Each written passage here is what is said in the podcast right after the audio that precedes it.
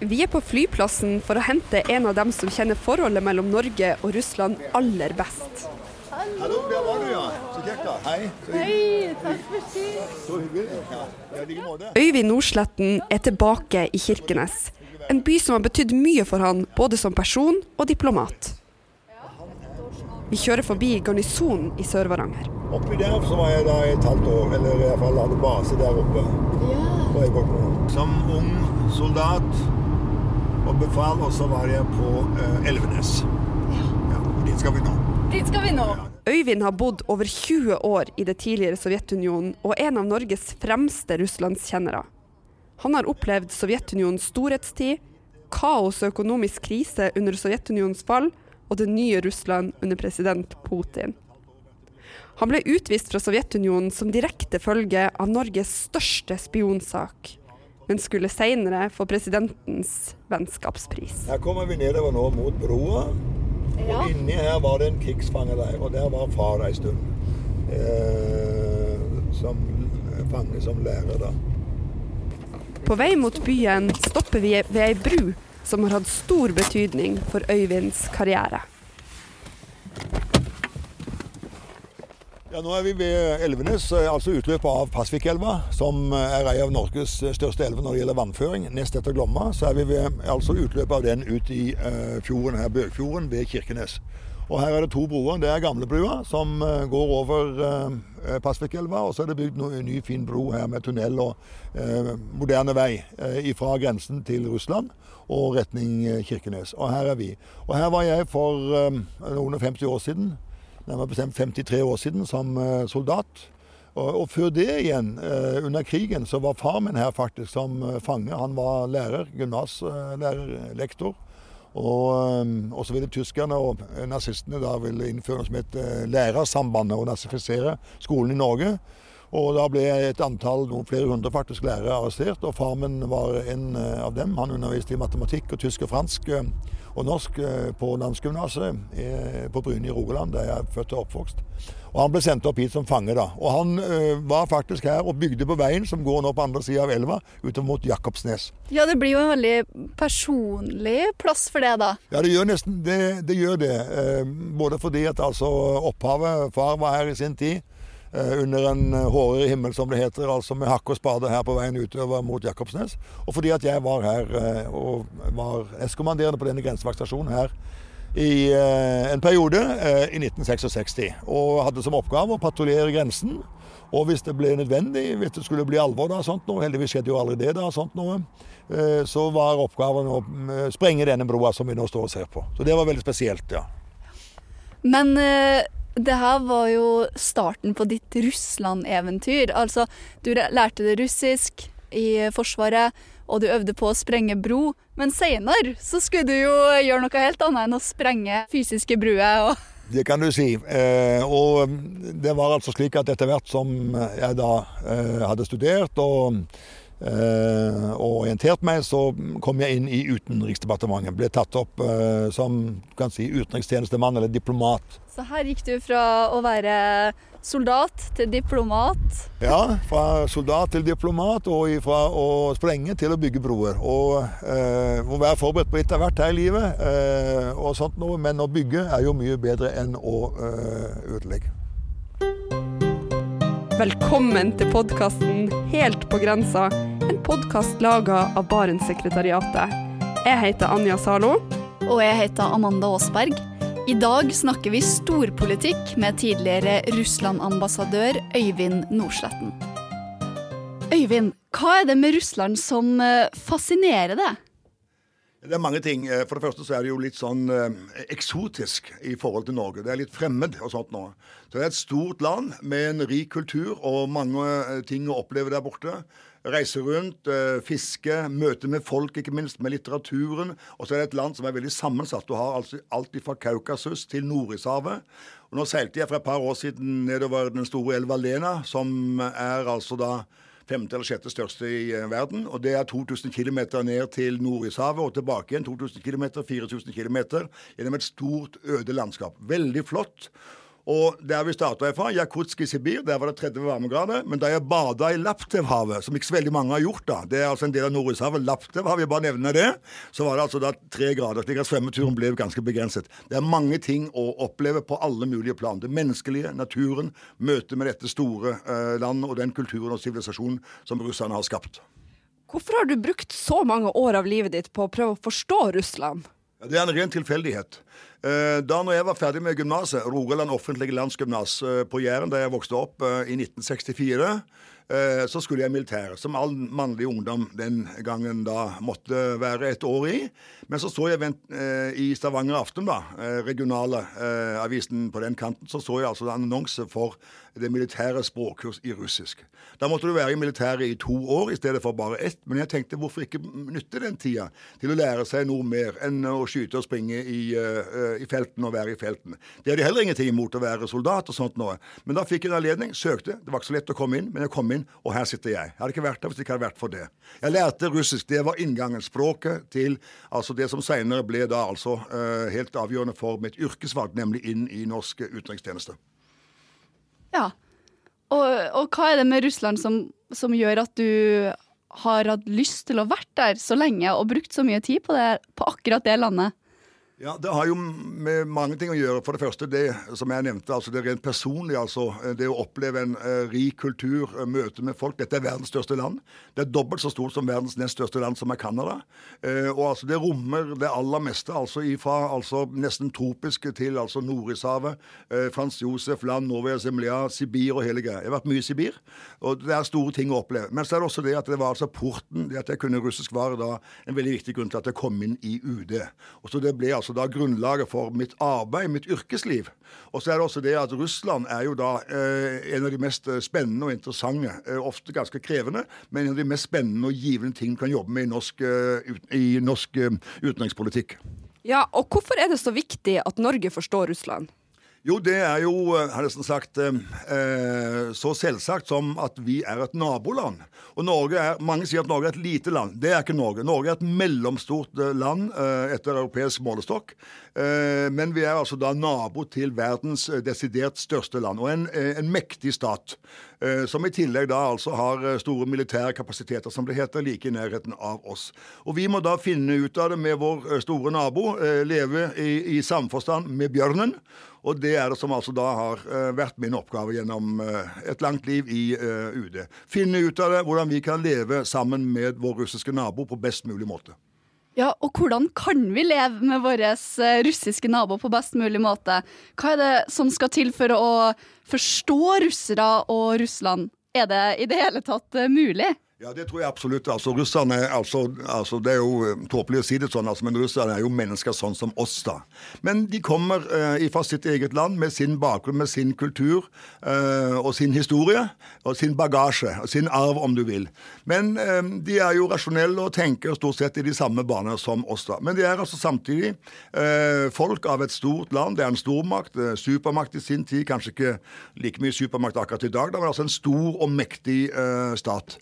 Uh, og, uh, og, vi må altså bare da uh, respektere de. Det er en veldig viktig ting. Respekt.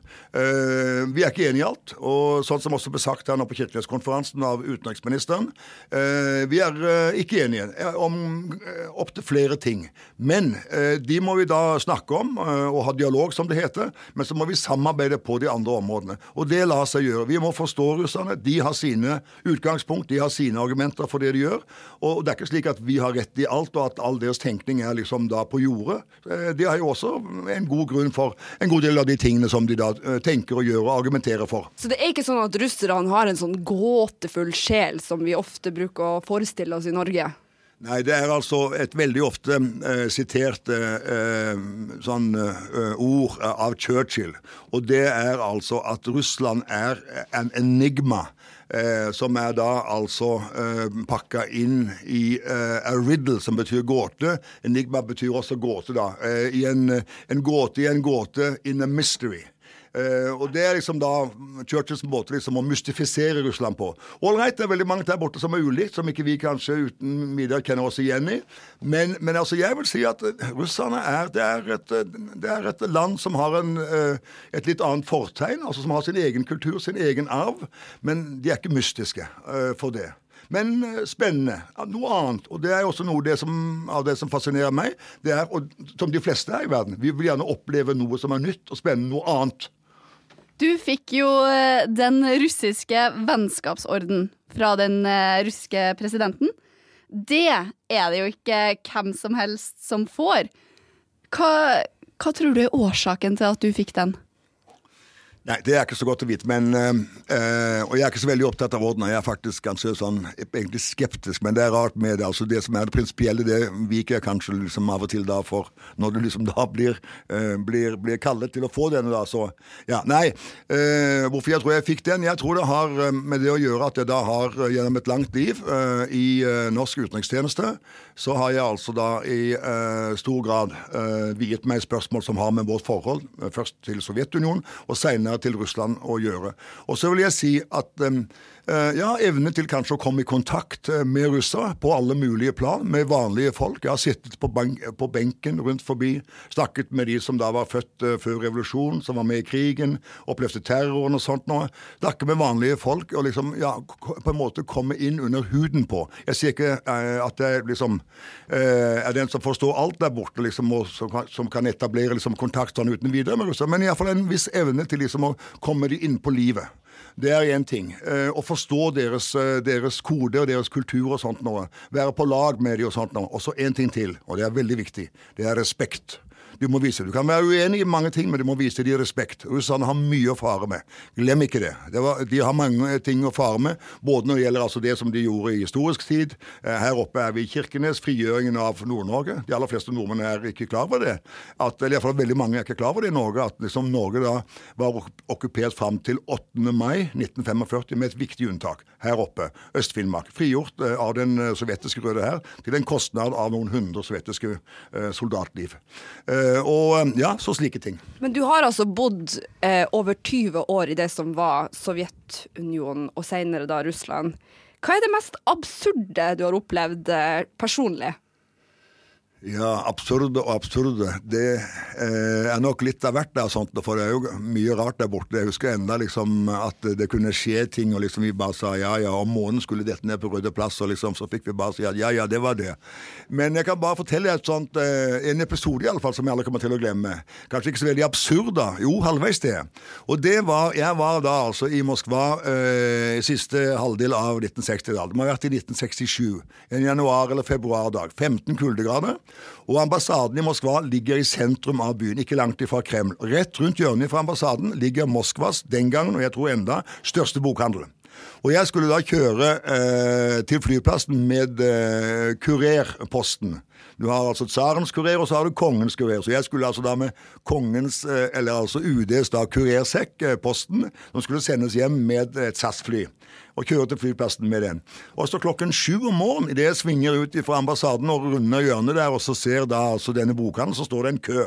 En lang kø framfor eh, bokhandelen. Og på den tiden, altså dette er 60-tallet, så var jo eh, Sovjetunionen et sånt mangelsamfunn. Mye mer kjøpekraft enn det var vare. Så det var jo kø for hva som helst. Hvis det var bananer til salg, f.eks., som det var et par ganger i året, så var det en kilometer. Og hvis du altså solgte jeans eller, eller stillongs, så var det altså to kilometer. Da var altså køen lenger enn eh, framfor Lenin-mausoleet. Enda til. Men der, er iallfall klokka sju om morgenen en, en vinterdag i 15 graders kulde, så står det en lang kø utenfor en bokhandel. Og jeg tenkte, er det gull nedsatt, eh, til nedsatt pris eller et eller annet sånt noe som de har tatt inn der nå og sånt noe. Så jeg stansa, og så hadde jeg til den tiden lært meg to viktige kø-kultur-ståingsspørsmål. Uh, russisk i, altså det er to nøkkelord for å stå i kø i Russland. Og det første er Kto krajni, eller kto pasledni. Det betyr hvem er eh, sist i køen her? Hvem skal du med andre stille deg bak? Det er spørsmål nummer én. Og når du har funnet ut hvor du skal stå eh, i køen, så skal du altså stille spørsmål nummer to. Stodajut. Og det betyr hva er det de selger der framme? Så det er spørsmål nummer to. Det er spørsmål nummer to. For dette er alltid lurt da. På den tiden var det alltid lurt å stille seg opp i køen, for du kunne aldri vite hva som var der borte. Helt, helt fremst. Og derfor hadde folk med seg et, et sånt nett. Eh, veldig mange hadde med seg et nett, eh, sånn handlenett. Og det på russisk het avoska. Og det var nett, og de hadde med det nettet bare for det tilfellet at kanskje skulle det dukke opp en liten ting som kunne være godt å ha, og da må du ha nettet av voska. Og det betyr liksom da for det tilfellet at og sånt. Da. Ja. Nei, men da vendte den, øh, den kjekke damen som sto foran meg, en middelaldrende dame, og det har jeg aldri glemt, så vendte hun seg. Ja, det skal jeg si deg. Klokken ti, når butikken åpner, altså om tre timer, da, noe sånt nå, når butikken åpner og i 15 kuldegrader, så vil de begynne å ta imot eh, abonnement på eh, utvalgte verker av Knut Gamson. Og som dere forstår, så er det Knut Hamsun, vår store forfatter, som det da altså var tale om å uh, kjøpe bøker til. ja. Så det er sånne ting som Og det, hva vitner det om? Vel, du kan si på ene siden kanskje papirmangel, men russerne er et lesende, det er et kulturfolk. Og altså interessen for vår mann, eller for vår Knut Hamsun og annen norsk litteratur, jeg har sett mange stykker av Ibsen og andre der borte. Jon Fosse, Roy Jacobsen blir oversatt til russisk. og helt sånt. Det er et lesende folk. Men ikke sant, Russerne er jo kjent for at det er dem som har de store forfatterne. Men, men Norge har altså også en sånn plass i Russland? Jo, det har det absolutt. Uh, og, og, og begge, land er, begge, begge, land er land med store forfattere. Altså Den gullalderen da, annen en halvdel av 1800-tallet og fram på 1900-tallet, da med Hamsun og sånt nå, det var gullalder. Uh, Talstoy, Dostojevskij, you name it i Russland. Turgenev så var det samtidig her, eh, her eh, det samme. Vi ser jo på Russland som eh, et land med mye kultur. Men en annen ting de er også kjent for, det er jo den heftige vodkakulturen. Ja. Har du noen knep for å unngå hva man skal kalle drikkepresset uten å fornærme vertskapet? Ja. Det, er, det, er, flere metoder. Vi kan for eksempel, så kan vi ta altså Gerhardsen, Einar Gerhardsen-metoden. Ja, OK. Du må fortelle. Ja, Den er spesiell. Einar Gerhardsen, det kan man lese om i hans biografi. Einar Gerhardsen var altså, tror jeg, eh, om ikke den aller første, så iallfall en av de første som kom fra et Nato-land på besøk til Sovjetunionen etter krigen. Det var i 1955, hvis jeg ikke tar altfor mye feil.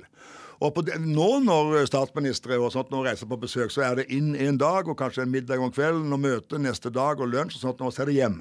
Men den tiden så var det en hel uke. Jeg var selv med Trygve Bratteli en gang, og da var vi en hel uke i eh, Sovjetunionen på offisielt besøk. Var vi i Tasjkent og det med andre. Men i alle fall. Nå er vi tilbake i 1955. Uh, statsminister Einar Gerhardsen kommer på besøk til Sovjetunionen. Så er han i Moskva, treffer ledelsen der, Khrusjtsjov og co. Uh, og så, uh, etterpå, så blir de altså da tatt med ned til Kaukasus. Og Der blir de tatt med til et kollektivbruk uh, hvor det er vindruer, hvor de lager vin og konjakk. Og så eh, er det slik at Einar Gerhardsen var total avholdsmann. Han var total avholdsmann. Og der nede på denne altså øh, vingården, der var det altså slett ikke noe total avhold som, øh, som gjaldt. Og, øh, så var det samtidig slik at på den tiden, da hvis du ikke smakte på liksom vertskapet sine ting der, så var jo de litt uheldig. Men det som da skjedde, det var at mens han kollektivbrukformannen, en svær, røslig kar, var ute en liten stund, så hadde da altså Gerhardsen skjenket opp eplesaft, som hadde akkurat den samme fargen som konjakk.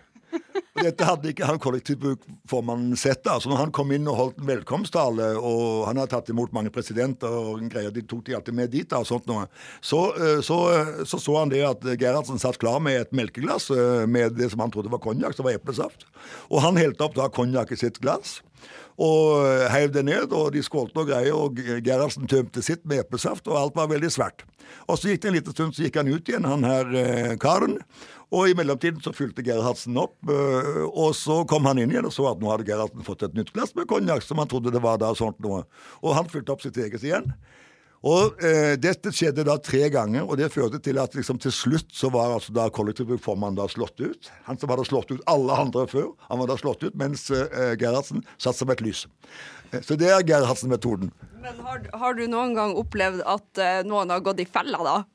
Uh, ja, hvordan mener du fella, altså når det gjelder å Ja, sånn, ja. ja jo, altså, men må, det, er klart at, uh, at, det er jo en viktig del av, uh, av kulturen, av, av, av, matkulturen der borte. Uh, og, og, og altså, det må være i godt lag. Da når jeg kom dit på 60-tallet, og det er jo klart at det er jo en, altså det med alkoholmisbruket der borte, det er jo en svøpe. Uh, og, men på 60-tallet jeg kom dit, så var det jo slik at uh, et sånt uh, melkeglass av, av det, altså et melkeglass fullt av vodka, det var jo helt vanlig. Da jeg kom som ambassadør i år 2000 og kom ut på flyplassen, så sto det da gjerne på, på, på, på disken på flyplassen så sto det sånn pyramide med sånne små plastikkbeger. Eh, og I Norge er det mineralvann oppi de plastikkbegerne. Men oppi disse her Og jeg tenkte ja, hva mineralvann og sånt nå? Nei, det var ikke mineralvann. Der var det altså 100 gram. Det er fire norske drinker. En norsk eh, normal drink er 2,5 centiliter. Dette er 10 centiliter. Og Der sto det sånn pyramide, og jeg husker enda så kom den ene eh, Ivan Ivanovic etter den andre og kjøpte en, en, et, et, et sånt plastikkbeger eller to, og så var vi i gang igjen. En annen metode det sies å være det at å spise noe sånn eh, fett, eh, spise flesk og sånt noe, det skal visstnok hjelpe. Eh, det siste jeg vil si til dette, det er at i dag er det en endring på gang. I dag er det mye mer vindrikking i Uh, i, i, i, Russland, og særlig blant ungdom. Altså vodka den dag i dag, det er ikke det. Men det er altså en endring på gang, sånn som du har sett også i, uh, uh, i Norge. Og jeg skal si, jeg var jo generalkonsul på tampen av mitt liv i UD, i Murmansk. Og en gang så hadde jeg vært og spilt bordtennis, som jeg liker veldig godt, og trent og svømt og greier på treningssenteret der i Murmansk. Og så skulle jeg gå hjem til generalkonsulatet, og så var jeg litt tørst etter å ha spilt bordtennis i en times tid eller to og sånt, og blitt svett og det ene med det andre og sånt, og så jeg liksom gikk inn i Eh, inn i uh, lokal dagligvarebutikken uh, på veien hjem. Og, og så skulle jeg, ha, så ville jeg kjøpe meg en pils. Å nei, det var stengt. Nå var det stengt klokka sju. Hang det, som i Norge framfor butikken her i Kirkenes, hang det gardin foran øldisken. Ja, Så det er ting på gang. Og så nå sånne ting som røyking, f.eks. Som altså alle røykte overalt uh, her. Nå er også det forandret. Så Russland forandrer seg. Du må fortelle oss litt om den første gangen du kom til Russland. Den første posten du hadde i det som da var tidligere Sovjetunionen. Hvordan var det? Den første gang, Nå skal jeg være, skal jeg være litt sånn øh, åpen og røpen, ikke akkurat hemmeligheter, men en bitte liten ting som er litt spesiell. Jeg var altså da her som øh, soldat, øh, befal, etter at jeg hadde vært på russisk kurs. Det var plikttjeneste. Og så var jeg på øh, nestkommanderende, var det vel det het, på, øh, på, gren, på Grense Jakobselv grensevaktstasjon. Og Der gikk vi på patrulje langs med grensa. Når russerne gikk på andre sida, eller de svetiske, så hilste vi pent til luen og alt sånn. Og så hadde vi med, i tillegg til geværet og patrulje, så hadde vi med fiskestang. Og så eh, fisker vi. Og Grense Jakobselv er jo ikke veldig stor. Og så er det også det at grensen, den går ikke i midten. Grensen går ved djupålen, og hva er det? Det er der hvor elva er djupest. Og det, det skifter. det kan være helt innunder den norske sida, eller helt innunder den eh, russiske eller sovjetiske sida den gang. Og så, ja, så var det sånn passe flom, da, så det var liksom eh, laks på, eh, på, oppgang i, eh, i Grense Jakobselv. Og jeg var da sånn patruljeleder, som det heter. sånt noe. Og så, så, så, var det en liten holme som jeg så liksom da lå nokså nær norskegrensa. Og på andre sida av den så var det en fin høl. Og jeg var jo helt sikker på at denne holmen da, den måtte jo være norsk. Så jeg hoppa ut på den, vassa ut på den og hoppa den. Og, de, og der, og så ropte eh, kollegaen min sånn noe kom tilbake. Du har nettopp invadert ca. tre kvadratmeter av Sovjetunionen. og jeg skyndte meg da tilbake. Så det tror jeg var faktisk altså Jeg må, skulle kanskje ikke sagt dette her, men altså, det var mitt første møte med Eller min første gang jeg var på sovjetisk jord. Da, sånt noe. Ja. Men uh, for å være mer alvorlig, så kom jeg dit altså i 1966 uh, første gangen til Moskva. Og kjørte bil bort der. Det var et helt annet land enn det som er nå. Og, og fikk oppleve det da på nært hold i mange år senere andre gangen du kom dit, da var Sovjetunionen på sitt mektigste. Og det var jo også da vi fikk eh, den store spionsaken med Arne Treholt. Det var jo da en byråsjef i Utenriksdepartementet ble anholdt og sikta for spionasje, og så til slutt ble han dømt. Hvordan var det å være diplomat i Moskva da det her skjedde? Ble du involvert på noen måte? Jeg ble involvert eh, på den måten. Da var jeg riktignok nettopp kommet hjem fra eh, Moskva, fra Sovjetunionen. da. Eh, det var i 1984. Og og da, etter at han ble arrestert, så, så ble et antall sovjetiske diplomater utvist fra Norge eller erklært uønsket. Kunne ikke komme tilbake igjen, ville ikke fått visum. Og Da reagerte de, gjorde gjengjeld, kan du si, med å utvise, erklære uønsket to norske. En norsk diplomat, det var undertegnede, meg, og så var det en annen en som en viste i, i russisk.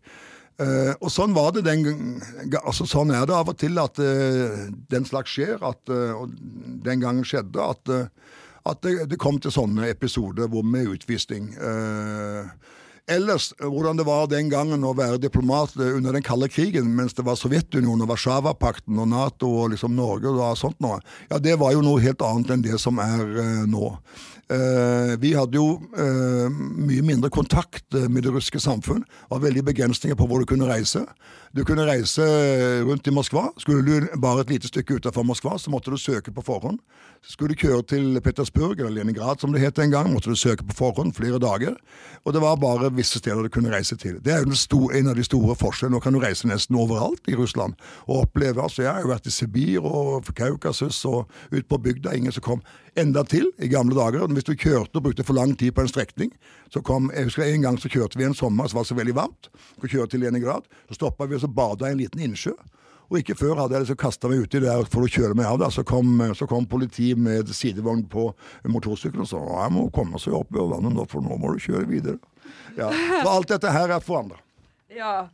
Eh, vi må gå litt tilbake igjen til den Treholt-saken. For jeg, jeg, tror det er mange i Norge som, som, husker det, men som likevel kanskje ikke har hørt eh, så mye om det. Eh, hvordan eh, hensikter har det eh, å, å utvise folk på den måten? Ja, det er jo um, en måte da altså vise at du, at du følger med, at du uh, ikke tolererer at det finner sted uh, spionasje. Uh, brudd på lover og regler som gjelder i, i Norge i dette tilfellet. ja, og, og helt tydelig signalisere at dette er noe som altså ikke kan aksepteres. Men du var jo en, en fremragende Russland-spesialist og snakka veldig, veldig bra språket. Hvordan eh, konsekvenser får det at en person som, har, som, er så god på brobygging, da blir utestengt fra landet? Ja, nei, altså Det har jo den konsekvensen at du ikke da eh, kan reise tilbake til det landet. Nå er det sånn at I mitt tilfelle, jeg var jo på en måte ganske heldig, da, for at i mitt tilfelle var det altså sånn at eh, ikke så veldig mange år, ett år etter at jeg hadde blitt utvist eller erklært uønsket i uh, Sovjetunionen, så kom altså Gorbatsjov uh, til, til, makta som generalsekretær og leder av kommunistpartiet i Sovjetunionen. Og han satte i gang glasnost og perestrojka-politikken. Og den rulla og gikk og førte etter hvert at du fikk en veldig ja, en åpning, et helt annet debattklima. og enda til, mens det var Sovjetunionen, så, så ble det da nevnt nevnt det at jeg hadde blitt byråsjef og leder for den avdelingen i UD som med Sovjet, hadde med Sovjet å gjøre, og Øst-Europa. Og da ble det tatt opp spørsmål kanskje uh, unge Nordsletten kunne komme tilbake igjen. Og sånt noe. Og da ble det sagt at ja, for dette var en ny tid. Det var en helt ny tid. Og så ble jo hele Sovjetunionen oppløst. Uh, og det litt spesielle da skjedde, at jeg som hadde vært erklært uønsket i Sovjetunionen, kunne komme tilbake da til etterfølgeren etter Sovjetunionen, nemlig Russland, som ambassadør i, eh, gjennom ni år i det landet. Så det var jo litt ekstra da. Sånt nå. Men sånn er livet. Det er fullt av overraskelser. Hvordan opplevdes det å være tilbake, da? Ble du fulgt noe Føler du at du ble eh, fulgt litt tettere med på? Nei, jeg vil ikke si det. Eh, og eh, det var jo spesielt, da. Sånn er klart det, at jeg hadde innstilt meg på liksom, at dette var det.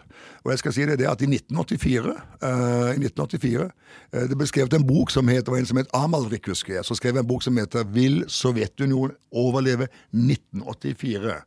Og det var det eh, veldig mange som syntes var en absurd tittel. Og helt at å tenke i de baner at liksom Sovjetunionen skulle bli oppløst, det var helt, uh, helt på jordet. Han tok feil med sju år. Eh, og eh, ja, så så det å komme tilbake dit uh, etter de årene, det var, jo, det, det, var jo en stor opplevelse. Ja, men så må jeg også si en ting, og det er at dette i alle yrker er det en risiko.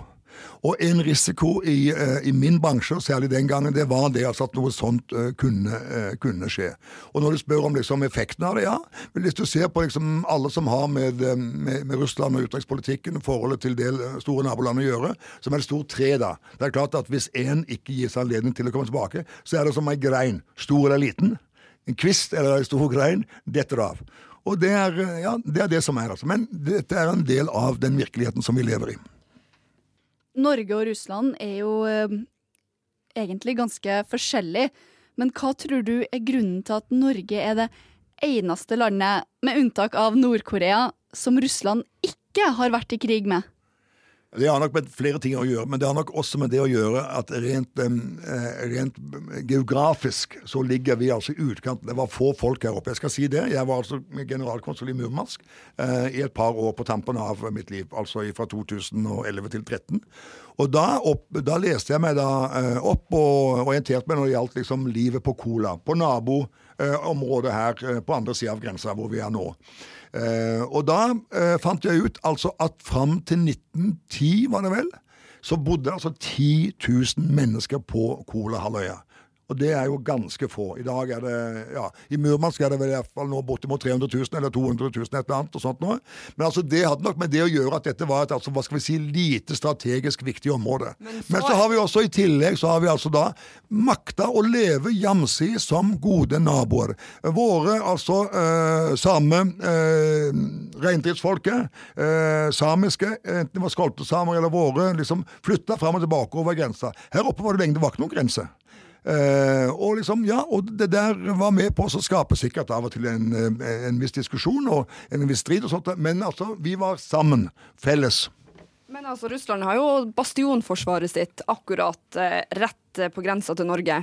Og likevel så er det her eh, såpass eh, normalisert, eller hva vi skal si. Ja. Eh, Russland eh, har i dag, eh, i motsetning til den gang som jeg nevnte var 1910, hvor de altså hadde 10 000 mennesker og ingen spesielle interesser her oppe, så har altså da eh, i dag Russland og Sovjetunionen hadde da altså en voldsom militær konsentrasjon bare noen ganske få mil ifra, som er altså da et ledd i deres hva skal vi si, strategiske styrkeoppbygging. Men der er det også det at vi har, Norge har vært i stand til å føre en sånn politikk eh, vis-à-vis -vis vår store nabo, som har tatt hensyn til deres eh, legitime, som det sies, deres lovlige, deres rettmessige eller naturlige, forståelige eh, sikkerhetskrav eh, eller behov. Eh, og det har vi gjort ved altså at vi har hatt sterke begrensninger, selvpålagte restriksjoner, som det heter på fint, på norsk militær aktivitet. Hva går det ut på? For det første, ikke atomvåpen på norsk jord i fredstid. Eh, og ingen permanente utenlandske baser i Norge i eh, fredstid. Og så det tredje, eh, særlig da i den kalde krigens tid, 60-70-tallet, så var det også sterke begrensninger på det militære norske nærværet i Finnmark. Sjøl da jeg var i GSV, så var vi noen hundre mann. På andre siden var det mange tusen. Vi var noen hundre mann. Norge representerte ingen trussel på noe vis. Kunne ikke sies å være det. Da og nå. Så det at uh, man nå uh, har uh, allierte øvelser i Nord-Norge, er ikke en trussel mot det her selvpålagte restriksjonene? Nei, jeg vil si det at det er ingen trussel. Altså når du ser på liksom, Da jeg var i militæret på 1960-tallet Hvis Norge skulle mobilisere den gangen, så ville norske her, det norske forsvaret det ville gå opp i tror jeg, ca. 300 000 eh, mann den gangen. Det var få kvinner i Forsvaret den gangen. 300 000 mann kunne Norge stille hvis vi mobiliserte. I dag er det norske forsvaret det er ca. 20 000 alt i alt. Det kan ikke være noen trussel. Altså Den største norske hæravdelingen det er en bataljon. Hva er det? Det er 700-800 soldater, og de er det to-tre av i Norge. Vi representerer ingen eh, trussel eh, mot vårt store naboland. Eh, tvert imot. Vi har lagt eh, hva skal du si, hva skal, hva skal man si, bånd på oss i form av altså et, et, et forsvar som ikke kan oppfattes som på noen måte offensivt. Men hva er det som eh, du tenker kan utfordre eh, det norske og det russiske forholdet? Altså det er jo klart det at liksom, Norsk utenrikspolitikk som det ofte blir sagt, den utspiller seg på en måte eh, i form av en balansegang mellom to veldig viktige hensyn. Og Det er A. Norge som en eh, trofast eh, og viktig og pålitelig del av det vestlige fellesskapet, inklusive eh, Nato. Det er eh, den ene store dimensjonen i norsk eh, ja, mm, internasjonal orientering, utenrikspolitikk, forsvarspolitikk, sikkerhetspolitikk. Og det andre er at vi er da et fysisk naboland til det store eh, Russland, nabolandet. Og vi må altså da finne ut av det. Eh, på den ene siden være et eh, pålitelig medlem, skikkelig medlem av eh, Nato, som vi har vært med siden 4. april 1949 da når traktaten ble inngått, og samtidig eh, føre en politikk som vi har gjort. Det jeg vil si at norske regjeringer helt siden eh, ja, langt tilbake og fram til nå har ført nettopp en politikk som balanserer disse to hensynene. Det er ikke alltid like lett, og det har med det å gjøre at eh, ja, politikken skifter i Russland og eh, ja, i det hele tatt, og vi må altså da tilpasse oss i, i enhver situasjon. Men i sum Norge ønsker å ha eh, et godt eh, naboforhold, være en god, trofast nabo, eh, eller en god og skikkelig nabo vis-à-vis Russland, men samtidig en pålitelig og fast del av det vestlige fellesskapet. Du har vært diplomat i så mange år nå. hva er de største utfordringene, de bilaterale utfordringene i forholdet mellom Norge og Russland? Ja, jeg vil si at det er faktisk eh, altså Kvintessensen er det som jeg sa nå. Det er å finne den der rette balansen. Den der, eh, den der rette utporsjoneringen av eh, det som går på liksom å vende seg mot Vesten og være et trygt medlem av Nato, og det liksom også ha et godt og saklig forhold, så godt som mulig forhold til, til Russland. Det er den store og som sagt evige, eller, eller den, den, den, varige utfordringen. Så vil det alltid oppstå situasjoner som da det er nødvendig å ta i tur med. Eh, der kan det være sånne praktiske episoder jeg har vært flere ute i havet her, f.eks. Når altså, Kystvakten har oppbrakt eh, russiske fiskebåter i verdensrommet rundt Svalbard. De liker det ikke så veldig godt. Og der har jeg opplevd da jeg var i Moskva. Jeg satt i Dagsrevyen i, eh, i Moskva i to døgn omtrent uh, hele, hele, hele, døgnet. Det var elektronsaken, som kanskje noen husker, uh, pågikk. og sånt. Så slike ting. Det vil det alltid oppstå. Men det vil det oppstå i, nesten, uh, i forhold til nesten hvilket som helst naboland. Men særlig til Russland, da, siden liksom vi står på litt ulike sider og ulike kanter. og sånt nå. Så det vil være nok av ting å ta i tur med. For min del så vil jeg si Det er klart at vi vil jo, vi vil jo synes at det er veldig fint hvis det er sol og en mild vind og en mild bris hele tida, men det er jo ikke det i virkeligheten. Og uh, som diplomat, da, det å ha noe å bryne seg på, det at det er liksom ja, Så walk over. Walk over er aldri morsomt. Du må ha noe å bryne deg på. Og Det at liksom, det er da ting som oppstår i forhold til Russland og sånt, da, som vi må ta i tur med og finne ut av og sånt, da, i saklig diskusjon med russerne, det er noe som gjør eh, dagligdagen, eh, dagliglivet for en diplomat eh, eh mer meningsfullt. Ja. Frode Berg-saken, den eh, er jo et eh, en stor sak som kanskje får mange til å tenke på kald krig. Og igjen så snakker vi om spionasje. I denne saken så anklages jo Frode Berg for å være spion for Norge. Samtidig så er det altså en eh, norsk forretningsmann, Atle Berge, som går til sak mot den norske stat fordi han hevder at E-tjenesten har forsøkt å rekruttere han gjentatte ganger. Noe han mener har gjort at han har blitt ut, uh, utestengt fra Russland i ti år. Vi kjenner jo ikke detaljene eller sannheten i noen av de her sakene, men hypotetisk sett, hvis det stemmer at folk blir rekruttert innafor folk-til-folk-samarbeid eller myk sikkerhetspolitikk, diplomati, hva slags konsekvenser kan det få? Ja, jeg tror ikke jeg vil kanskje uttale meg så veldig mye konkret om akkurat um, disse to uh, sakene, men det som jeg kan uh, si, eller syns det er naturlig å si, det er um, for det første det at um, etterretningsvirksomhet det er, det er, noe som alle stater uh, driver med. Norge har, ikke minst der oppe i nord, så har altså da Norge en tilstedeværelse i så måte for å følge med. Eh, for å følge med hva som skjer eh, i vårt interesseområde, som det heter. Jeg kan fortelle dere det at i sin tid så så dette blir jo tatt opp av russerne når det kommer eh, norske politikere, ledere, på besøk. Det skjedde i min tid. Overfor meg også som ambassadør var dette ofte et tema. At det og det, var det liksom eh, riktig av Norge å gjøre og sånt noe? Eh, og enda til på møtet mellom eh, på høyeste plan i Kreml og sånt, så kom dette opp. Men ved en anledning så sa en av Norges eh, mest fremstående ledere, så sa vedkommende Ja, nei, altså eh, etterretningsvirksomhet, informasjonsinnhenting og sånt, det er noe som landene driver med. Det, det driver dere med. Og vi må også uh, ha kunnskap om hva som skjer i vårt interesseområde. Har vi ikke det, så vil vi kunne bli usikre og uh, begynne å liksom, ja, føle oss, føle oss sånn ikke vel, da. sånt noe. Så det er klart at du kan jo diskutere om det er en heldig ting rent prinsipielt med etterretningsvirksomhet, men sånn som verden nå er skrudd sammen, så det å ha informasjon om hva som skjer, så du ikke skal frykte. Eh, som det er sagt, vi må, eh, vi må, forstå mer for å frykte mindre. Det er faktisk ikke så dumt sagt, og det har også noe med etterretningstjenesten eh, og etterretnings... Det å holde seg orientert om hva som skjer i nabolaget. Det er viktig. Mm. Um, både Frode Berg og Atle Berge har brukt Kirkenes som base. Hvordan blir et lite samfunn som Kirkenes påvirka av storpolitiske svingninger, tenker du? Jo, altså det eh, ser man jo eh, veldig mange eksempler på i ulike sammenhenger. Dette er jo én eh, sammenheng. Og det blir påvirket, det er klart det at et, et, kjent medlem, kjent og kjært medlem av det lokale samfunnet her, eh, plutselig havner i denne situasjonen og sitter nå altså på andre året i Moskva. Det er klart at, Og at en som har satsa, en av de som virkelig hadde fått det til når det gjaldt altså å satse, ikke bare i Russland, men altså i Barentsregionen, altså på andre siden da, med sementfabrikkene og sånt, at de plutselig havner i en sånn klemme. Det er jo det er jo da eh, ikke greit eh, på, eh, på, noe vis. Og det påvirker. Og jeg må si at jeg så altså dette fjernsynsprogrammet med den, eh, den eh, svært veltalende og sympatiske kona og sånt noe, som forklarte hvordan dette var. Og så ordføreren, Rune Rafaelsen, syns jeg sa også veldig klokt at ja, jo, altså etterretningsvirksomhet det er noe som landene, det er noe som, som landene driver med, og det er sånn som det er. og, så det er ikke noe hokus pokus med akkurat det det i seg selv. Men så, eh, men så oppstår det dessverre altså sånne situasjoner som, som det vi har.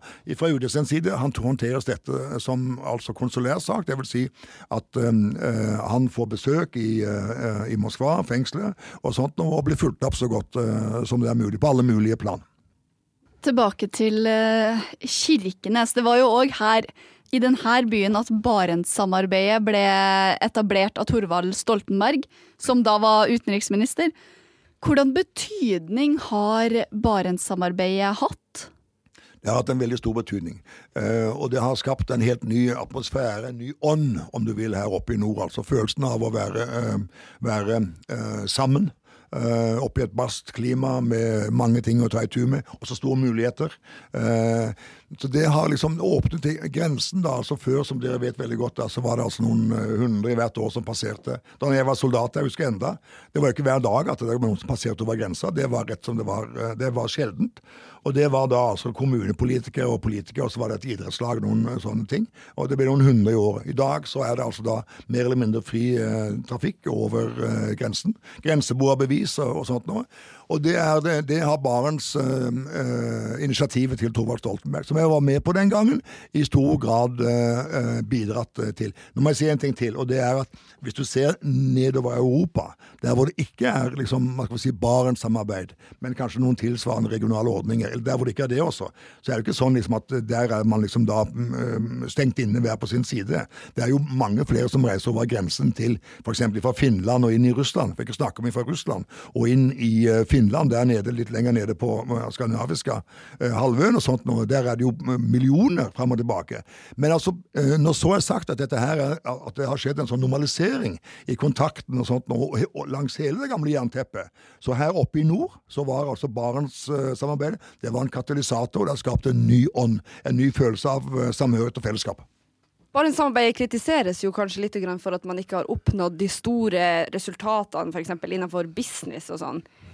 Men hvorfor vil du si at Barentssamarbeidet er viktig i dag? Altså, hva er det aller viktigste man har fått til gjennom det her samarbeidet? Ja, det er, tror jeg rett og slett det at liksom eh, Det som før var eh, et jernteppe, både fysisk og eh, i overført forstand, det er Vi er ulike, vi har to ulike, litt ulike samfunnssystemer, men altså, vi er sammen. Og det er denne samhørigheten, fellesskapet. Det at vi er, vi er her oppe, så er vi altså da naboer i en helt annen forstand enn før. Og her i Kirkenes er dette her veldig synlig, med altså 10% av befolkningen er er fra Russland. Og jeg skal si, jeg kommer sjøl fra Rogaland, fra Jæren. Og da når jeg var liten, så, jeg, så ble jeg tatt med en Så var jeg i søndagsskolen, på søndagsskolen én gang. Av en eller annen grunn så ble det med den ene gangen da. Men jeg fikk det som da på, på jærsk heter ei skjødna, én stjerne, i ei lita bok som jeg har den dag i dag, etter å ha vært da på søndagsskolen én gang. Og dette bedehuset på Jæren, ikke langt fra der hvor jeg vokste opp, det står der den dag i dag. Hva er det som finnes utenfor den, eh, for det bedehuset nå? Der finnes det et russisk ortodoks kors. Og det er blitt altså en russisk-ortodoks kirke. Og Hvorfor jeg sier dette her, det er fordi at i dag i Norge så er det vel sånn mellom 15 og 20 000 uh, innbyggere i dette landet ofte velutdannet, flinke, beriker det norske samfunnet, som kommer fra eh, Sovjetunionen, eks-Sovjetunionen, særlig fra, eh, fra, Russland. Og det, er, dette, og det, er, noe av det store. Liksom, det er at, liksom, at Ikke bare liksom, at vi kan ha et godt forhold sånn, på det politiske plan, i festtalene og sånt noe, men at folk til folk er blitt en virkelighet. Det er ikke bare snikksnakk å si folk-til-folk-samarbeid. Det er en realitet. Og det ser du her oppe, og der ser du altså i det gamle bedehuset der hvor jeg gikk på søndagsskolen, som har blitt russisk-ortodoks kirke. Sånn er livet. Det var jo veldig uh, fint sagt. Men jeg, jeg, tenker på før vi Vi må jo begynne å runde av. Ja. Men, men, det som jeg har lyst til å spørre deg om, da, det er hvis dagens regjering ønsker å føre Thorvald Stoltenberg sin visjon om dialog og regionalt samarbeid videre, og du kunne gitt dem tre tips til beslutningstagerne, hva ville du ha anbefalt dem å gjøre? Ja, jeg kan komme med tre, uh, tre, tips. De er ikke like lette. De er ganske krevende, men allikevel. Jeg syns at de er, de, er, de er, sentrale. Og det er én opphevelse av visumtvangen opphevelse av uh, visumkravet for uh, nordmenn til Russland, og, uh, eller for folk fra Vesten, da, eller Norge spesifikt, til Russland, og andre veien for russere til Norge. Det ville bety noe enormt. Jeg skal si dere det, eller skal si dere det, at liksom, det blir jo ofte sagt da liksom, at liksom jernteppet er borte. Ja jo, på mange vis er det det, men på ett plan. Og det, altså Én ting er at liksom mange sånne ting når det gjelder altså storpolitikk og sånt, nå, det er liksom blitt mye bedre. Men det som går altså på folk til folk og kunne ta seg over grensen. Jeg skal si det. For noen år siden, mange år siden så skulle vi kjøre da, og besøke, skulle vi kjøre og besøke en venn en kollega som hadde kjøpt seg en stuga i Sverige. Nå, da var, bodde vi i Oslo da. Så skulle vi kjøre og besøke vennen to timer inn i Sverige. Ja, Så kjørte vi av gårde. Så satt barna i baksetet. Og barna eh, i baksetet de hadde jo da vokst opp da vi var i Sovjet og kjørt over, eh, over jern, altså gjennom jernteppet og grense og schæferhund der og soldat der og sånt noe. Ja, sånn grensepassering eh, på det gamle, eh, av det gamle slaget da når det var jernteppe ja, og sånt noe. Og så eh, nærmet vi, og vi kjørte da på en grusvei innover mot svenskegrensen. Og så sier barna Hvor er grensen? Så sier jeg det er ikke så veldig godt å si. Fordi at dette, nå er det Sverige, det er jo ikke Sovjetunionen, det er ikke DDR eller noe sånt vi skal inn i nå. Det er grensen. Nei, barna forlangte å få vite hvor er grensen. For de liksom hadde alltid opplevd grensen som boom, noe sånn litt ekstra da, spennende og sånt noe med schæferhund og bang-bang og sånt noe. Ja, så kommer vi kjørende. Og så forstår jeg det at vi begynner å nærme oss Sverige, da. Og grusvei. Eh, grusvei kjører vi på. Og så så jeg et bitte lite skilt som sto da 50 meter fra veien. Så gikk jeg bort der. Og eh, altså Bokstavene var nesten eh, tørka bort av regn, eller tværet bort av regn og, og vind og sånt. Men der sto det. Og jeg har aldri glemt. Aldri glemt. Eh, det, og det sto ikke 'Artung, Artung' eller 'Ops, Ops' eller liksom 'Vnimanje'. Der sto det bare med ikke veldig store bokstaver, så det var vanskelig å lese 'Grensen går ved bekken'. Og akkurat nå ser jeg det at liksom å få da et skilt oppe ved altså da eh, Storskog, eller altså ved, oppe ved Nyrud, eller hvor det måtte være, eller ute i Grense Jakobselv og sånt noe, eh, i Afjorden sånt, hvor det står 'grensen går ved liksom her ute i åa' og sånt noe. Jeg ser jo at det er ikke liksom det, det er ikke noe som vil skje. Men altså det der med å få bort det stengsel som altså da fører til Og det er ikke umulig å få et visum, men altså det er mange folk som må stå altså da i kø, reise fram og tilbake og sånt. Det er punkt én. Og så punkt to. Hva er det for noen ting? Eh, det, er, det er, også da, det har, Men det har mer med storpolitikk å gjøre. Det er klart at i det øyeblikket at disse sanksjonene som eh, det er forståelig er blitt innført uh, pga. det som skjedde med Krim og anneksjon og sånne ting. Men altså få, uh, få sanksjonene bort. Det er klart det vil være, det vil være en, en, en, Det vil åpne for noe ganske nytt. Det er veldig fint å se at nå skal altså, uh, som det ble annonsert her på Kirkeneskonferansen, så skal altså både utenriksministeren og statsministeren er invitert til å reise til St. Petersburg på det som er det store russiske fora for utvikling i nord og i Arktisk. Deres konferanseserie som heter Arctica Territoria Dialoga. Det sier også ganske mye at russerne har denne eh, konferanse eh, som de har hvert år, sånt, årlige, som heter Arktis eh, territoriet for dialog. Område for dialog. Russerne satser på folkerettene og her oppe, sånn som vi gjør det. Og det er veldig godt. Det er de to eh, tingene. Bort med visum. Altså dette er da å håpe en gang vakker dag. Og to, bort med sanksjoner. Det er håp. håp. Og så er det nummer tre, og det er det er å, uh, å få mer uh, fart i alt som altså har med det økonomiske samarbeidet. Nå reiser det seg veldig muligheter etter hvert her. Altså Vi har Melkøya. Der produseres det fem millioner tonn ca. med LNG. Nå uh, på Jamalhalvøya, det er ikke så veldig langt bort til der altså produseres det nå 15, og det er mer som skal skje. Murmansk, der er det ting på gang nå. og sånt nå. Så det å få også denne komponenten, som ikke har vært så veldig synlig i Barentssamarbeidet, av mange grunner, og sånt nå, til liksom å skinne, som det heter da, og sånt nå, nemlig det økonomiske økonomiske. At vi kan altså samhandle der, det vil være en stor ting. Bort med visum, bort med sanksjoner, og opp med eh, industri- og næringssamarbeidet. Det er de tre. Det er drømmen. For en fantastisk avslutning på den eh, samtalen vi har hatt her i dag. Tusen takk Øyvind Nordsletten for at du kom til Kirkenes og snakka med oss om storpolitikk. Selv takk. Veldig hyggelig å være her. Alt godt. Du har akkurat hørt podkasten Helt på grensa. Likte du denne episoden, så tips en venn eller gi oss stjerner i iTunes. Er det noe du lurer på og gjerne skulle visst mer om fra grenseregionen, send oss et tips til amanda krøllalfa barents.no.